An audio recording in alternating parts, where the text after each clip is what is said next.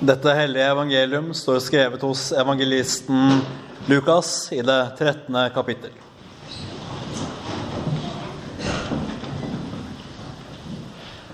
På sin vandring mot Jerusalem dro han gjennom byer og landsbyer og lærte.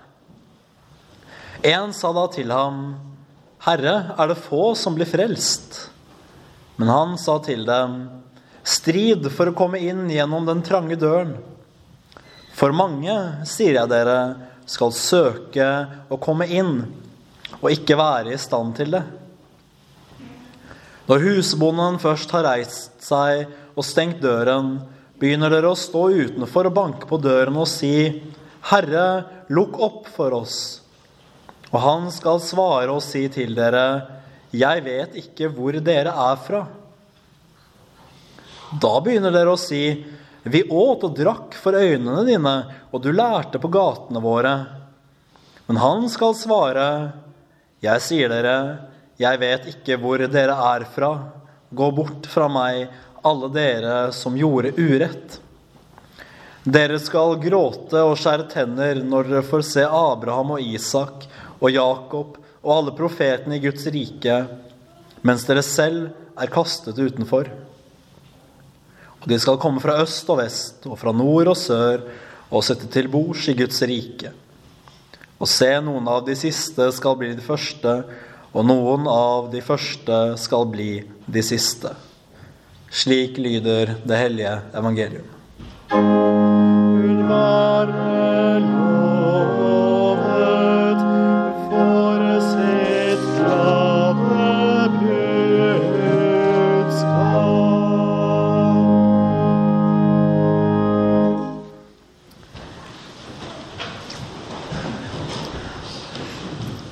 Hellige Fader, ditt ord er sannhet. Hellige oss i sannheten.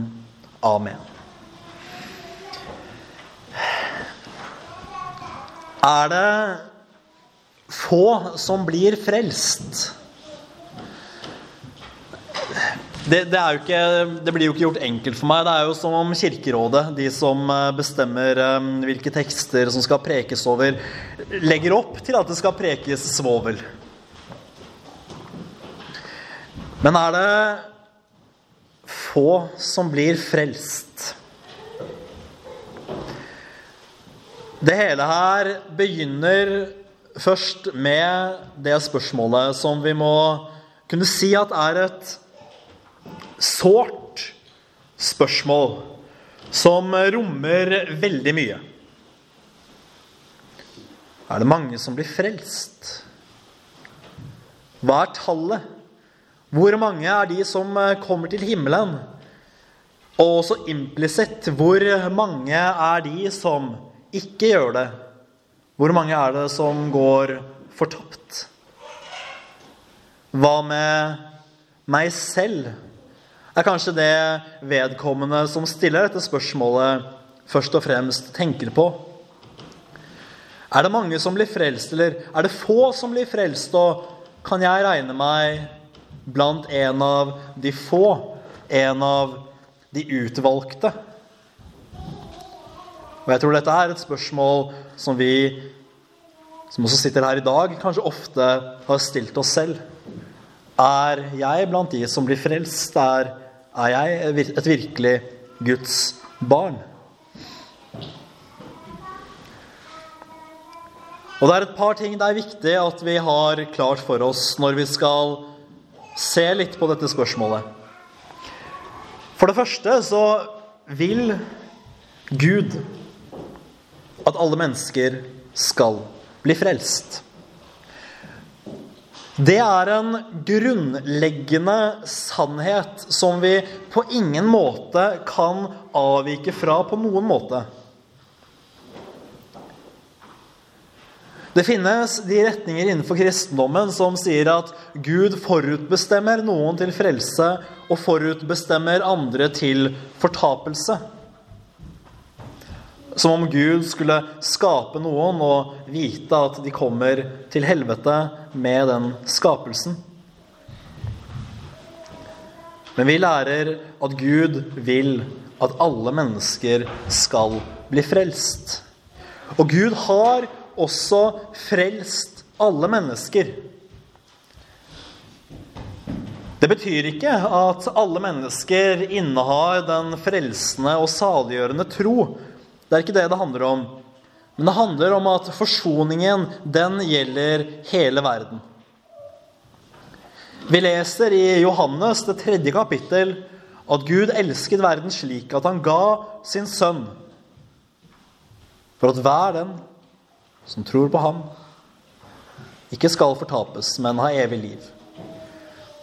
Johannes tredje kapittel forteller oss dette, at Jesus og det han gjorde på korset, det gjelder hele verden, og det gjelder alle mennesker.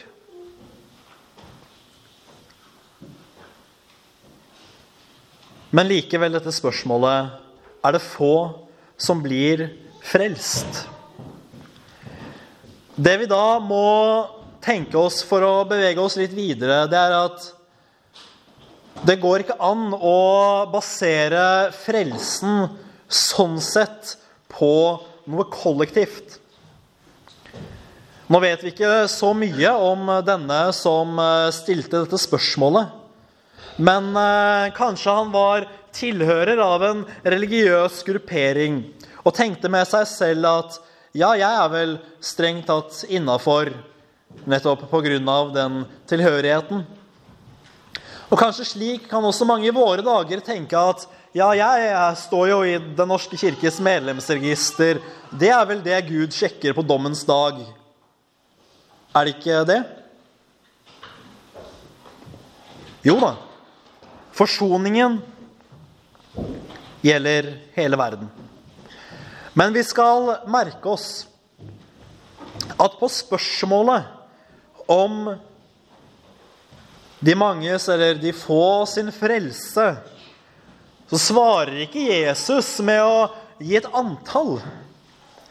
Han sier ikke 'ja, nei, det er så mange som blir frelst', og så mange som ikke blir det. Men han svarer med en formaning. Det er som om Jesus kunne sagt ikke bekymre deg så veldig mye for de få eller de mange akkurat nå. Bekymre deg heller for deg selv. For Jesus kommer med en formaning. Strid for å komme inn gjennom den trange døren.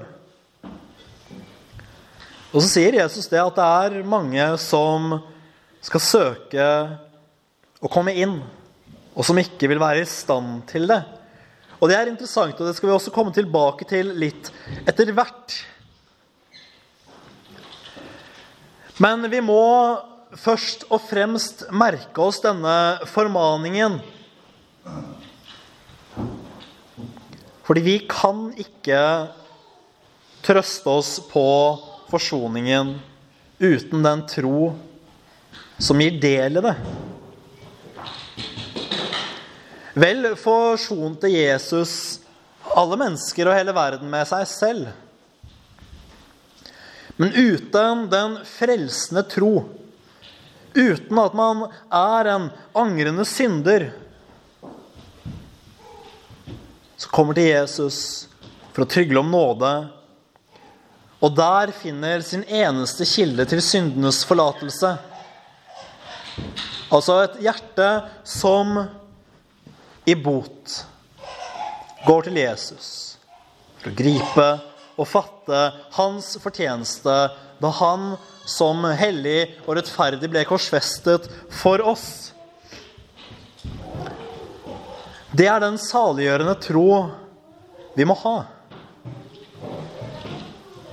Fordi vi kan ikke tenke som så at ja, Jesus døde for all verden.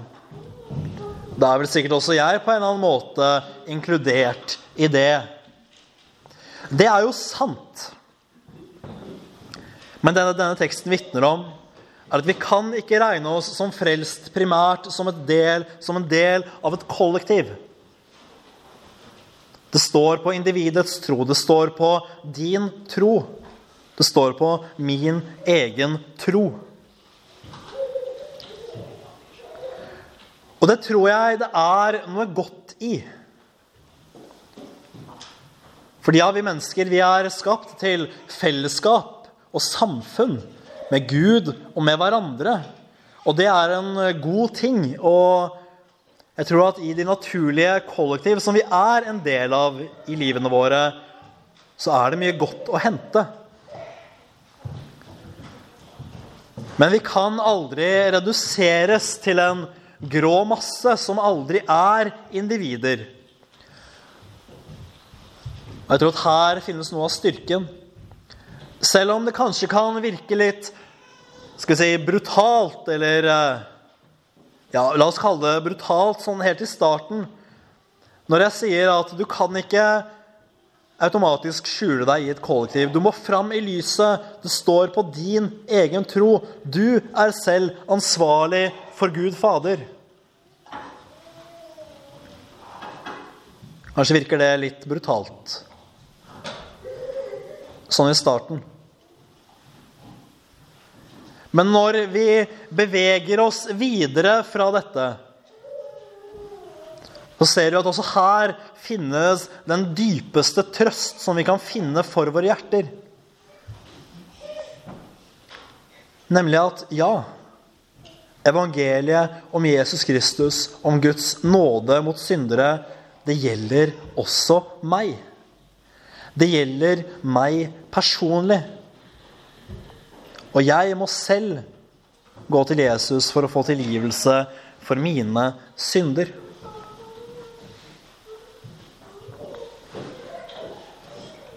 Og det er denne tro vi skulle legge vind på å bevare. Det er denne tro vi i alt skulle legge vind på å trøste oss på. På alle måter. Fordi det er, dette, det er den tro som klamrer seg til Jesus. Denne tro som i sitt vesen handler om at man angrer, angrer sine synder og går til Jesus for å der finne nåde. Det er den tro som er frelsende og saliggjørende, om den er aldri så svak. Det er en god tro, for det er den troen Gud selv gir oss.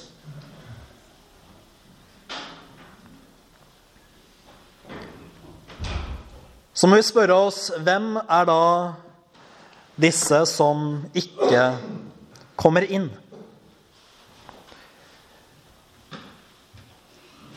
Det kan virke rart i våre øre at noen skal søke å komme inn, ikke være i stand til det. Ville man ikke tenkt at alle de som søker å komme til himmelen, skulle klare det? Det er i alle fall det som for meg har vært naturlig å tenke. Men her ser vi et uh, tydelig tegn og symptom hos denne mannen eller kvinnen som spør. Et tydelig symptom på de som tror at de selv er innenfor. De som tenker at ja, for å si det med moderne ord Jeg står i Den norske kirkes medlemsregister. Da er jeg frelst. Eller eh, Ja, nei, jeg skal ikke komme med et annet eksempel. Men det vi skal vokte oss for å tro, det er at jeg har alt på det rene. Jeg har mitt på stell. Ingenting er galt fatt med meg. Omvendelse, det har ikke jeg noe behov for. Evangeliet, hva er vel det? Synd? Nei. Avskaffet vi ikke synd da samfunnet ble moderne? Vi skal vokte oss selv alvorlig for å si at alt er vel. Fordi hvis vi tror med oss selv at ja, ja, jeg har det bra, jeg er ikke en synder, jeg er på vei til himmelen Da er det et tegn på at noe er alvorlig galt.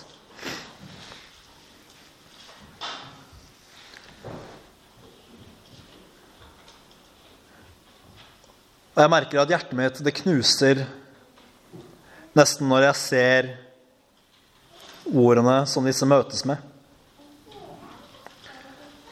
Hvor skrekkelig det vil være å høre disse ordene. Jeg vet ikke hvor dere er fra. Jeg vet ikke hvor dere er fra. Bort fra meg, dere som gjør urett. Dere som gjorde urett. Dette her er alvorlig. Og vi skulle se også dette alvorlige som vi finner i Skriften, og ikke nødvendigvis frykte så veldig av det. Poenget med evangeliet er aldri å drive oss ut i fortvilelse. Evangeliet er en trøst.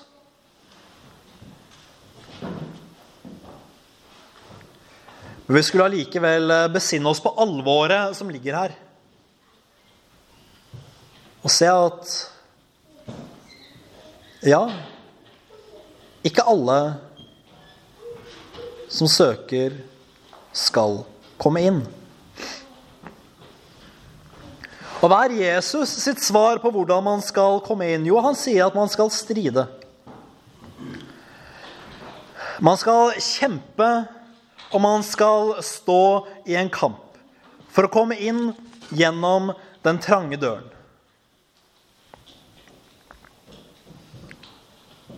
Og hvorfor er det nødvendig å stride? Jo, det er jo for den tro det strides for.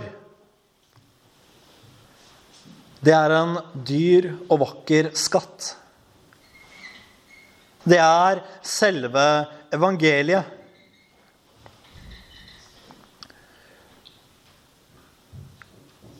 Og mange av dere har eh, levd lenger enn meg, både som mennesker og som kristne. Og dere vet at i dagens samfunn så er det mye som skal drive oss bort fra Kristus. Det er mye som forsøker å dra oss i den ene og den andre retningen. Som sier at 'nei, Gud finnes vel ikke'. Som sier at 'nei, du er vel ikke en synder'. De sier at 'ja vel, kanskje var det en som het Jesus', men evangeliet, hva er vel det? Nåde, hva er vel det? Tro, hva er vel det? Det er så mye som skal dra oss bort fra Kristus i dette livet. Det tror jeg mange av oss har kjent på. Om det er tanker, om det er systemer, eller om det er mennesker som prøver, å fortelle, som prøver å fortelle oss at Jesus er umoderne. At Skriften er en feilbarlig bok som er tilfeldig sammensatt av mennesker. Og som kanskje verst av alt Nettopp det som virkelig kan overbevise et menneske om at de ikke trenger Jesus. Den store løgn at du er ikke en synder. Dette skulle vi stride mot for å bevare den sanne tro. For det som sies her, det er ikke at du må, etter at du har begynt å tro på Jesus, etter at du har fått troen, så må du bli perfekt. Eller andre ting for å kunne regne deg blant de frelste. Nei, det er ikke det det handler om. Men hvis du blir doven, hvis du tenker at 'nei, alt er vel', og 'jeg er ikke en synder', 'jeg er innenfor', og hvis du går bort fra den daglige bot, omvendelse og tro på evangeliet, da kan du begynne å bekymre deg. Men poenget er, som jeg sa i sted, at en saliggjørende tro er en saliggjørende tro om den er aldri så svak. Om du føler at du i ditt trosliv ligger mørbanket og nede, og du klarer knapt å reise deg, men med lillefingeren klarer du så vidt det er å røre ved Jesus. Som den svakeste som noensinne har levd, griper du Kristus med en finger, med en svak, skjelvende hånd. Fordi du vet at han er ditt eneste håp. Da er det en frelsende tro som er like sikker som enhver annen tro.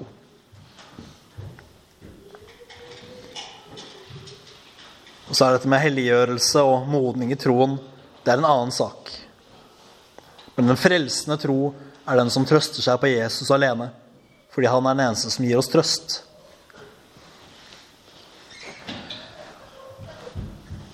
Videre så er det viktig og nødvendig at vi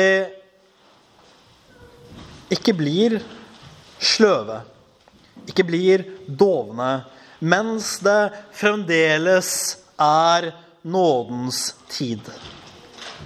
Mens det fremdeles er frelsens dag.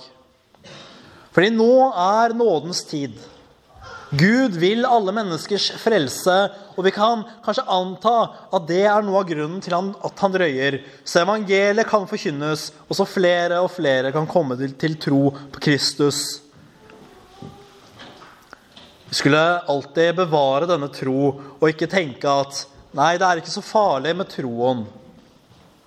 Jesus kommer sikkert ikke tilbake. Nådens tid skal sikkert vare lenge. Det vet vi ikke. Og jeg har kommet til å også innse det, at det er noe egentlig velsignet i kampen og i striden. For hvis vi er redde for å bli sovne, hvis vi er redde for å bli dovne, så er striden velsignet. For hvem av oss vil vel klare å sove når det er krig? Hvem er det som legger seg ned for å hvile, for å sove midt i kampens hete mens det flyr kuler rundt øra på en? Striden er velsignet, også åndelig sett. For hvem vil vel klare å sove når det står på som verst? Og hvordan skal vi stride, kan man jo spørre seg. Jo, vi skal stå fast i troen. Vi skal holde den rette faste som er Gud til behag. Den rette faste. Bot, daglig omvendelse, forsakelse av djevelen og viktigst av alt tro på den Herre Jesus Kristus. Dette er det vi i alt skal holde oss til, og det er slik vi skal stride. For den velsignede strid, den som holder oss våkne, den som holder hodet klart, den strides og vinnes ved Guds nåde alene og kun ved hans hjelp. Vi kan være viss på det at hvis vi kjemper alene, så vil vi gå til grunne. Fordi vi står i en kamp mot noe som er sterkere enn oss mennesker. Vi står i en kamp. Heldigvis mot noe som Gud er sterkere enn, og som Kristus allerede har overvunnet. Så må vi aldri tro at vi kan komme inn den trange dør uten Kristus. Hvis vi sier at vi ikke trenger Jesus, da har vi gitt opp kampen. Da har vi lagt oss ned og sagt at det er lettere å ikke kjempe. Jeg trenger ikke Jesus. Jeg har det bra, kan vi si. Eller kanskje vi tenker at ja vel, Jesus er fin. Og kanskje er jeg en kristen, men det er vel på, for andre grunner enn at jeg er en synder. Så vi skal se på dette med alvor. Men ikke, ikke frykte. Ikke bli full av angst og redsel. Fordi som sagt, en saliggjørende tro den kan være aldri så svak og fremdeles være en saliggjørende tro. Men vi må virkelig tenke dette og vite dette som Skriften vitner om. At Jesus Kristus er vårt eneste håp. Vi har som mennesker ikke noe annet håp enn Jesus. Vi er nødt til å gå til Jesus, for der er tilgivelse for syndene. Og hva er det vi trenger? Jo, det er dette. Det er tilgivelse for syndene. Det er nåde. Fordi vi er syndere. Vi trenger den nåden, og den nåden har vi. Den nåden får vi. Og Kristi fortjeneste kan vi gripe ved troen. Så når dagen en gang kommer, så vil vi ved Guds nåde ikke høre skrekkens ord Bort fra meg, dere som gjorde urett. Jeg vet ikke hvor dere er fra. Men ved Guds nåde, ved troen på Jesus alene, vil vi høre de salige ord. Vel gjort, du gode og tro tjener. Gå inn til din Herres glede. Ære være Faderen og Sønnen og Den hellige ånd, som var her og blir en sann Gud fra evighet og til evighet. Amen.